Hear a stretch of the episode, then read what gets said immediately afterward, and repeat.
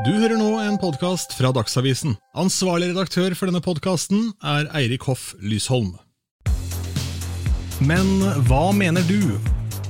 Dagsavisen inviterer politiske stemmer til en prat, i håp om å gjøre politikk litt lettere å forstå seg på. Sandra Borch er stortingsrepresentant for Senterpartiet, men for mange år siden sa hun at hun ikke kunne tenkt seg å bli i politikken, og i hvert fall ikke i rikspolitikken. Så hva skjedde? Og hva mener Senterpartiet når de sier at et samfunn blir best når det bygges nedenfra?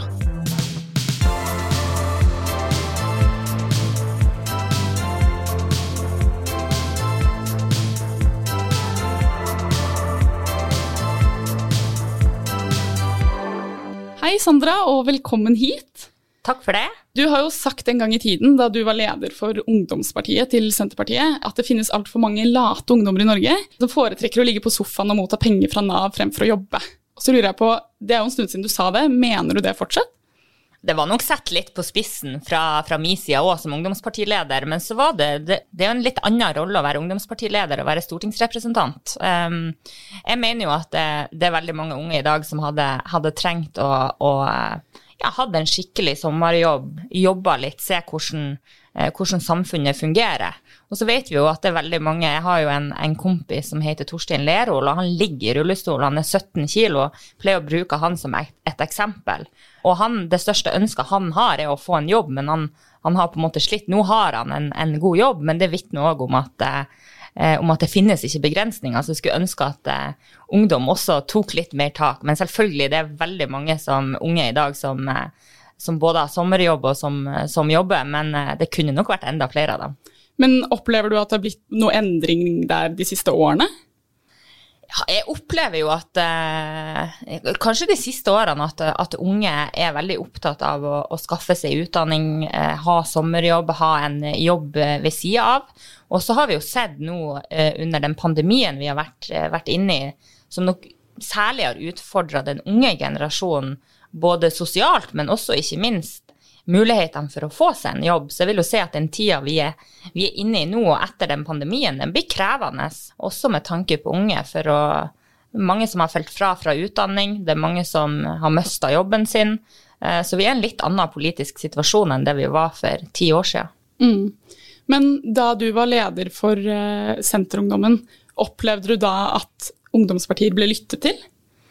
Ja, jeg opplevde at vi ble lytta til, og, og, det var jo på en måte mitt politiske gjennombrudd var jo som leder av Senterungdommen. Eh, da lå Senterpartiet på 4-5% Det var veldig vanskelig å få medieoppslag og, og den type ting. Men, eh, men, det følte jeg at vi klarte, og det, da måtte vi sette litt budskap på spissen for å klare å få oppslag og for å klare å profilere vårt parti. Nå er det jo litt annerledes. Vi har jo noen, noen prosent ekstra på meningsmåling ja, i hvert fall. Absolutt. Og jeg tenkte egentlig at vi kunne komme litt inn på det òg, for det er jo det som er litt interessant med Senterpartiet, som du nettopp sa selv, at for ikke så altfor mange år siden så var dere jo et ganske lite parti som eh, Hvis man ikke kunne veldig mye om politikk, så hadde man kanskje ikke hørt så mye om Senterpartiet. Mens nå er jo dere et ganske mye større parti. Så, men hvordan, hvordan, har på en måte den utviklingen vært? Hvordan går man fra å være et, parti, et mindre parti som ikke så mange vet om, til et parti som, som plutselig veldig mange vet om? Mm. Nei, det, det, det, har vært en spennende reise. Jeg har jo vært med. Eh, jeg ble jo med i, i partiet i 2008. Eh, da var vi jo et ganske mye mindre parti, eh, og har vært med på den reisa til du nå på målingen ligger på 17-18% i mitt fylke på over 20 så tror jeg det handler om at de siste årene, kanskje siste seks, syv, åtte årene, så er Senterpartiet det partiet som har vært den tydeligste motmakta til dagens regjering. Og det tror jeg handler mest om eh, den sentraliserende politikken som jeg tror veldig mange føler på ute, ute både i byer og, eh, og distrikter. At man føler seg overkjørt og overhørt av systemet, av staten. Og det vil jo da si av regjeringa. Så jeg tror det er hovedgrunnen til at eh, mange nå kjenner seg igjen i vår politikk og ønsker en endring av Norge. Jeg tenkte vi kunne komme litt inn på dette med distrikter, fordi eh, veldig mange unge flytter jo på en måte ut av distriktene til eh, storbyer eller litt mer sånn sentrale steder i Norge. Enten fordi det er gode utdanningsmuligheter og sosiale steder, men sikkert også fordi at det er liksom gode kultur- og aktivitetstilbud, som jo veldig mange unge liksom interesserer seg for. Um, Og så lurer jeg på, er det en negativ ting? At unge flytter ut av landet og inn i storbyene? Overhodet ikke. Eh, og byene våre er jo viktige motorer med tanke på utdanningsinstitusjoner, sånn at unge skal kunne ta en utdanning. Men så handler det òg om å legge til rette eh, for at folk skal kunne flytte hjem igjen. Begynne å jobbe, enten det er i kommunen eller etablere egne private arbeidsplasser. Og vi vet jo at mye av verdiskapninga, det meste av verdiskapninga skjer jo langs kysten, distriktene, fiskerinæringa havbruksnæringa. Vi har enorme naturressurser som vi benytter, og som, som går til felleskassa i eh, som, som, vi benytter oss av eh, økonomisk. Så vi er jo helt avhengig av at det bor folk i hele landet.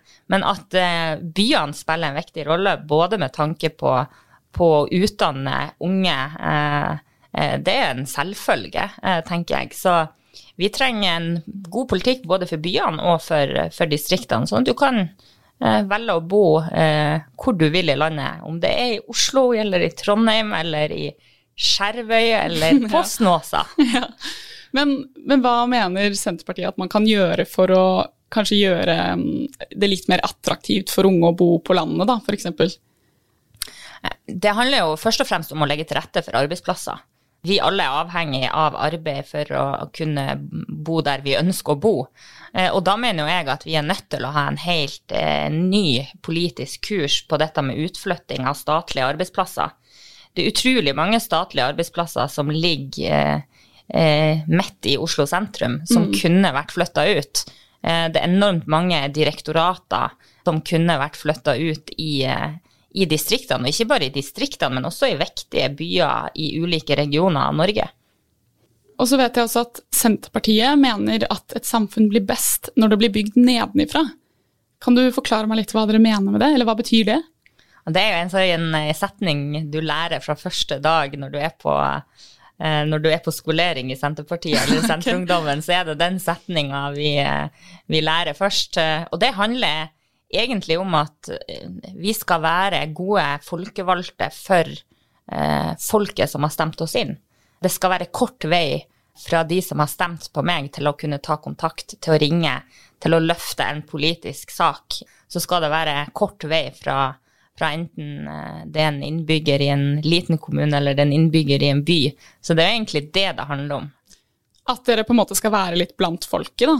Ja. ja. Og vi er jo, husk på, de som har ansatt meg, eh, og egentlig alle stortingsrepresentantene, eh, det er jo folket som har gitt sin tillit til å faktisk gi meg sin stemme for at jeg skal representere dem eh, på Stortinget. Og det er jo en ære som man virkelig må ta på alvor. Og det prøver jeg å tenke over hver gang jeg går inn på Stortinget på, på morgenen før en, en arbeidsdag, at du er på jobb for folket. Det er de som har stemt deg inn. Eh, det er de som har sett deg i denne stolen fordi at de har trua på at du kan eh, gjøre en forskjell, og at du kan løfte viktige politiske saker for dem. Det kan jo sikkert oppleves som et eh, ganske stort ansvar også, men, men føler du at du si, er blant folket? da? Hvordan er på en måte din hverdag? Er du ofte i dialog med vanlige folk, eller er det mest med kollegaene dine på Stortinget? Det er, en, det er en veldig sånn variert hverdag. Eh, når det er stortingsmøter og sånne ting, så er jo, så er jo dagene i Oslo eh, og i stortingssalen og på mye møter. Eh, men jeg har jo veldig bevisst valgt å pendle. Så jeg pendler hjem til Tromsø og Nord-Norge hver eneste helg. Og det er bevisst fordi at jeg ønsker å bo i, den, i det fylket som har valgt meg inn på Stortinget. Eh, nettopp for å klare å følge med på viktige politiske saker i, i mitt fylke, da. Det, det, mener jeg er viktig, faktisk, at, eh, at, vi har folk som faktisk ikke kommer inn på Stortinget og som melder flytting, eller eh, på papiret i hvert fall bor i Oslo, bare. Så det er viktig å komme seg ut blant folket, og det er jo en grunn til at Senterpartiet har en Vi har én strategi. Vi har ingen skriftlige strategier, men vi har én strategi og det å drikke kaffe med folk. Ja, stemmer det. Jeg har fått med meg. Mm. um, jeg tenkte også at vi kunne komme litt uh, inn på klima, som jo er en sak som veldig mange unge engasjerer seg for. Uh, jeg vet at Senterpartiet støtter de internasjonale klimaforpliktelsene som Norge har inngått, uh, men så vil dere også styre unna virkemidler som gjør hverdagen dyrere og van vanskeligere for liksom, folk flest. Og så lurer jeg på, Er det ikke egentlig ganske sterke virkemidler som må til for å på en måte gi effekt på klima? Jo, eh, men jeg mener vi begynner i helt feil ende. Eh, og jeg har jo nå sittet eh, i eh, energi- og miljøkomiteen for, for, Senterpartiet de siste fire årene og har fått jobba mye med Senterpartiet sin eh, klimapolitikk.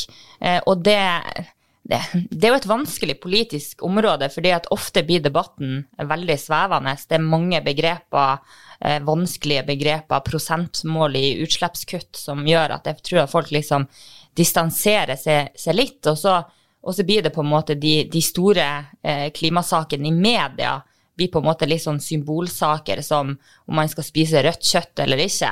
Mm. Eh, klima, klimautfordringen handler om ganske mye mer enn det. Og da mener jo jeg at vi er nødt til å legge til rette for at infrastrukturen skal være på plass før vi innfører krav til at alle skal kjøre elbil.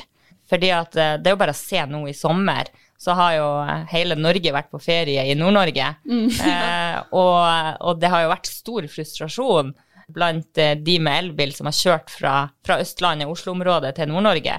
For det er veldig få elbilladere der. Og da mener jo vi at vi må først legge til rette for en infrastruktur som gjør at, eh, at man kan kjøre elbil, før man på en måte pålegger eh, ei avgift som da vil ramme skjevt. Eh, både økonomisk, men også ikke minst sosialt og geografisk. Men sånn eh, kort og enkelt forklart, hva vil det egentlig si å legge til rette for en infrastruktur? Nei, Vi har jo ett mål, da, og det er å bygge 10 000 nye hurtigladere for elbil. Og det mener jeg er et statlig ansvar. Vi må som uh, stat legge til rette for at folk skal kunne velge klimavennlig uten at det er de som må ta regninga. Så det er, det er, det som jeg mener med tilrettelegging av infrastruktur. Nå er jo elbilladere bare, bare ett eksempel på det.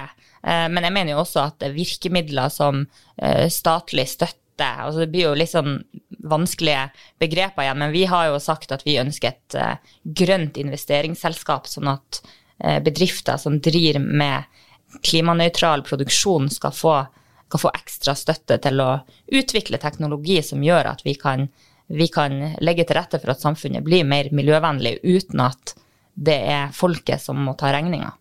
Så du, eller dere mener på en måte at man må at staten må gjøre endringer før man skal be folk om å endre vanene sine, på en måte? Ja, jeg mener det er en plikt. Hvis ikke så kommer vi til å oppleve stor, eh, store geografiske og sosiale forskjeller. Eh, og det ser vi jo bare nå med at man skal innføre ei tredobling av CO2-avgifter, som gjør at prisen på bensin og diesel blir tredobla. Eh, vi ser at prisen på bensin, altså drivstoff til fiskebåter blir tredobla. Og da blir jo konsekvensen av det igjen, eh, særlig for industrien, fiskeriene, at man vil, eh, og flybransjen ikke minst, man vil kanskje vurdere å heller tanke i utlandet enn å tanke i Norge. Og da er jo på en måte Da skyter det jo litt sjøl i foten, for da flytter det jo bare utslippene til andre land. Og så tenkte jeg vi også kunne komme litt inn på dyrevelferd, for det er jo stadig flere unge som engasjerer seg for det også, som er opptatt av at dyrene skal ha det bra. Og jeg vet at du istedenfor å ta ferie eller drive med valgkamp, også har vært og passet på sauene um, oppe i nord. Uh, så lurer jeg på hva er det på en måte politikerne kan gjøre annerledes for at det skal bli bedre for sauer, men også griser, som det har kommet frem at har ganske dårlige kår i Norge? Mm. Ja, altså det, Dyrevelferd er jo et, et, tema som engasjerer, men jeg tror vi skal være eh, veldig ærlige og si at Norge er et av de beste landene i verden eh, å drive altså, husdyrproduksjon i. De fleste, og egentlig alle bøndene jeg kjenner, er oppriktig opp, glad i dyrene sine og opptatt av at de skal ha det bra. Så har vi sett noen eksempler på f.eks. gris, som jeg mener er uhørt og som ikke skal skje.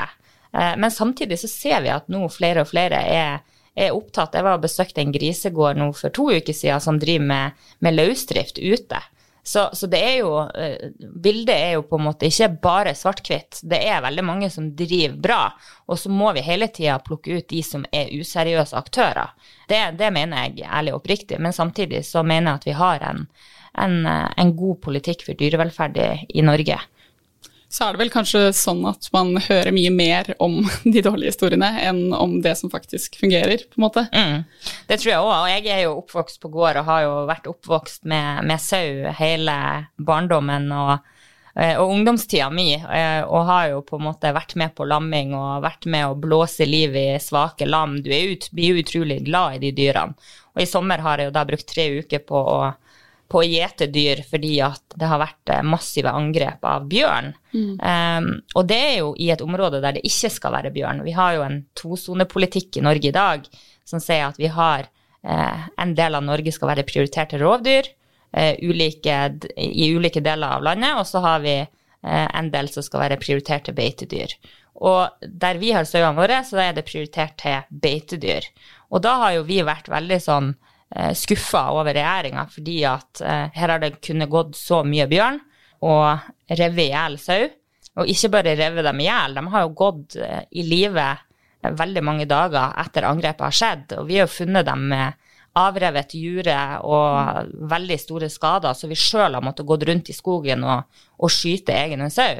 Og det er jo heller ikke god dyrevelferd, så vi er jo nødt til også å ha en politikk som ivaretar både beitedyrene, men også rovdyrene. Men hvordan kan man styre eller jeg blir litt nysgjerrig, hvordan kan man på en måte styre hvor bjørnene går? Vi har jo et forvaltningsområde som, som er avsatt i de ulike regionene i Norge, som er prioritert til rovdyr. Og der skal rovdyrene, der er det en sonepolitikk som rovdyrene skal være, på lik linje som du har akkurat samme politikk for beitedyr. Eh, så der man har eh, rovdyrområder i dag med beitedyr, eh, der har man jo satt inn ekstra tiltak som gjetere og uroprosjekter. Mens eh, områder med, som er beiteprioritert, er jo områder som er veldig egnet for, eh, for utmarksbeite, for fjellbeite, eh, som gjør at vi har en, av verdens beste produksjon av sauekjøtt, lammekjøtt. Eh, sånn at eh, det er jo å passe på at disse sonene forvaltes på en god måte. Og det er jo sånn som Bøndene har jo veldig mange krav til dyrevelferd. Og sauene, reinsdyrene, geitene, kyrne, eh, det er bøndene sine dyr. Eh, rovdyrene, det er staten sine dyr. Ja. Så da må vi kreve at man på en måte at, at, hver enkelt ansvarlig tar vare på dyrene sine. Og der mener jeg da staten har svikta med at man har latt f.eks. bjørnestammen bevege seg inn i områder som skal være beiteprioritert. Og da er det ikke for min del ikke sånn at man bare skal skyte enhver bjørn, men da får man da vurdere om man skal flytte den, på lik linje som man har drevet og flytta ulv på, på, Østlandet. Så må man flytte den til det området den skal være. Jeg skjønner.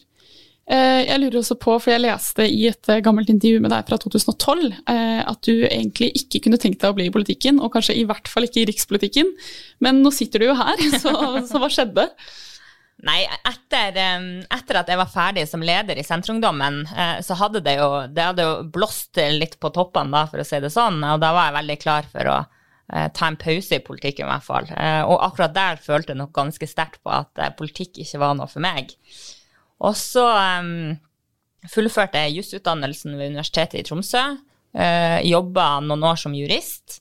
Så fikk jeg da spørsmål fra, fra Troms Senterparti, da, som er det fylket jeg kommer fra om jeg kunne tenke meg å stille som kandidat på, til stortingsvalget i 2017. Det er jo klart at det spørsmålet hadde jeg kanskje aldri trodd kom til å komme, men det var jo, da måtte jeg jo virkelig vurdere, vurdere det. Og det er jo en stor tillitserklæring, så da, da valgte jeg å, å, å, takke ja til det, da. Og det har jeg ikke angra et sekund på etterpå. Det er bra. Eh, jeg leste også i et eh, eldreintervju at første gang du skulle opp på talerstolen i kommunestyret, eh, så var det ingen som hadde tenkt på at du måtte ha noe å stå på. Så da fant dere en ølkasse som lå bakerst i lokalet, og den har fulgt deg siden. Men jeg lurer litt på hvordan det er å være kanskje den eneste politikeren vi har i Norge med en funksjonsnedsettelse. Tenker du at rikspolitikken er tilgjengelig for alle? Ja, absolutt. Og jeg tror det er viktig at vi har har et mangfold blant eh, politikere. Eh, men min, min egen funksjonshemning, det er sånn som fylkessekretæren vår fikk, fikk, et spørsmål om vi hadde noen med funksjonsnedsettelse på lista vår. Og hun bare nei, det har vi ikke. Men det er fordi at jeg tror ikke folk tenker over det heller. Du, jeg tenker sjøl ikke over, over, det heller, men jeg tror det er viktig å på en måte eh, vise det mangfoldet som er, er i Norge. Og det, det representerer jo ulike, ulike, grupper i samfunnet da, som har ulike utfordringer og muligheter. Men denne ølkassen har jeg en litt artig historie om. okay. Fordi at det var jo, Jeg husker mitt første kommunestyre. Da var jeg skikkelig nervøs og skulle opp på talerstolen for første gang. Og da fant jo rådmannen da denne ølkassen som var det eneste tilgjengelige i rommet. Og da kan du se for deg du står med høye hæler på en ølkasse og sjonglerer Um, og er kanskje litt nervøs og er litt nervøs samtidig. Så det første innlegget mitt er jeg ganske glad ikke finnes opptak av. Uh, men uh, den ølkassa har jo da fulgt meg egentlig hele veien. Så nå på landsmøter sånn, så står det åpen ølkasse. og når jeg ble valgt til leder i Senterungdommen i 2011, så fikk jeg faktisk en ølkasse Eh, med mitt navn inngravert av Christian Ringnes. Er det sant? og den har jeg den har jeg enda, da, så det er blitt en gimmick, Sandra Ølkassa. ja, det er litt symbolsk, det der. Ja. Men jeg lurer også på om du kan, hvis det er noen unge som hører på dette, um, som tenker at de har lyst til å engasjere seg for politikk, og som kanskje ikke har begynt ennå, eller kan så mye om det, eller vet helt hvorfor de eventuelt skulle gjort det, hva, hva vil du si til dem? Altså, jeg vil jo tro alle egentlig har et engasjement, men, men det krever jo en litt sånn stå-på-vilje å ville endre noe, enten eh, i samfunnet lokalt. Eh, jeg mener jo de, alle de lokalpolitikerne som gjør en jobb hver dag, er vel så viktig som, eh, som stortingspolitikerne. Men det er bare å hoppe i det. Det er veldig givende. Så for å si det sånn, i min vurderingsbok fra ungdomsskolen så står det at eh, Sandra må bli mer aktiv muntlig i timen. Hvem skulle trodd det i dag? Ja. Så det er liksom muligheter for alle, og jeg tror jo alle har et sånn indre engasjement for et eller annet. Og så er det jo å finne rett parti og litt sånne ting, og det må man jo bare ta noen vurderinger på sjøl. Men det ser jo hos oss i stortingsgruppa vår. Vi er noen som har, har, på en måte vært i ungdomspolitikken, og, eh, så har vi noen som er kommet inn i politikken i voksen alder. Så det er, det er muligheter for alle sammen. Men kan du forstå at politikken kan virke litt skummel og kanskje litt sånn Er jeg for smart for dette? Eller er jeg smart nok til dette? Ja, jeg kan forstå det. Og det, det som jeg egentlig bekymrer meg mest over, er den utviklinga vi ser på sosiale medier i kommentarfelt. På, på hets og sjikane av eh, ikke bare politikere, men vi ser det som er blitt et stort samfunnsproblem også hos den yngre generasjonen. Eh, så, så, det skjønner jeg at folk kvier seg for. Men jeg tenker at eh, hvis man har et engasjement, hvis man ønsker å være med og endre Norge eller endre sitt lokalsamfunn, så er det veldig givende. Så du får veldig mange muligheter i, i politikken til å, til å, bidra for det partiet du representerer, da. Jeg tenkte vi kunne avslutte med å snakke litt om Skal vi danse. Ja. Fordi der har jo du deltatt. Eh, og partilederen din, Trygve Slagsvold Vedum, var jo også med i Maskorama. Og jeg lurer bare litt på, fordi noen tenker kanskje at på en måte politikere enten er eller skal være litt sånn seriøse profiler. Um, og ikke underholdningsprofiler. Men, men, hvordan er det å i det ene øyeblikket være underholdningsprofil, og i hvert fall i Skal vi danse, som er liksom full glam og dans på parketten og masse som skjer, og så i det andre øyeblikket liksom være en seriøs politiker? Hvordan, hvordan er det spennende der?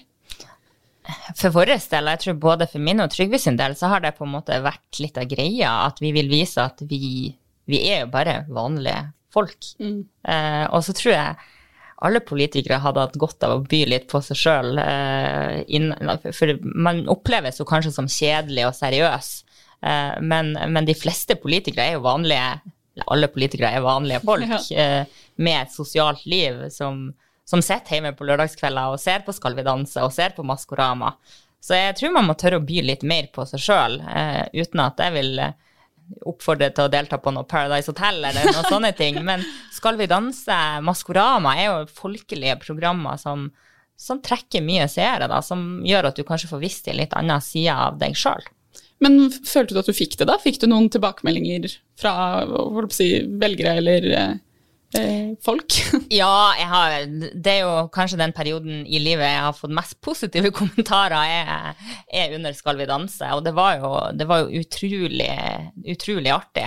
Og følte at folk virkelig heia på deg. Og Trygve var jo sjøl med, med, sine to døtre og så på et av, et av programmene live i, i Nydalen, da. Så det, det var veldig stas. Men eh, jeg tror at eh, politikere trenger å gjøre litt sånne ting også. Eh, og det er òg kanskje med på å gjøre eh, politikken litt mer folkelig, at det ikke blir så skremmende som skal engasjere seg.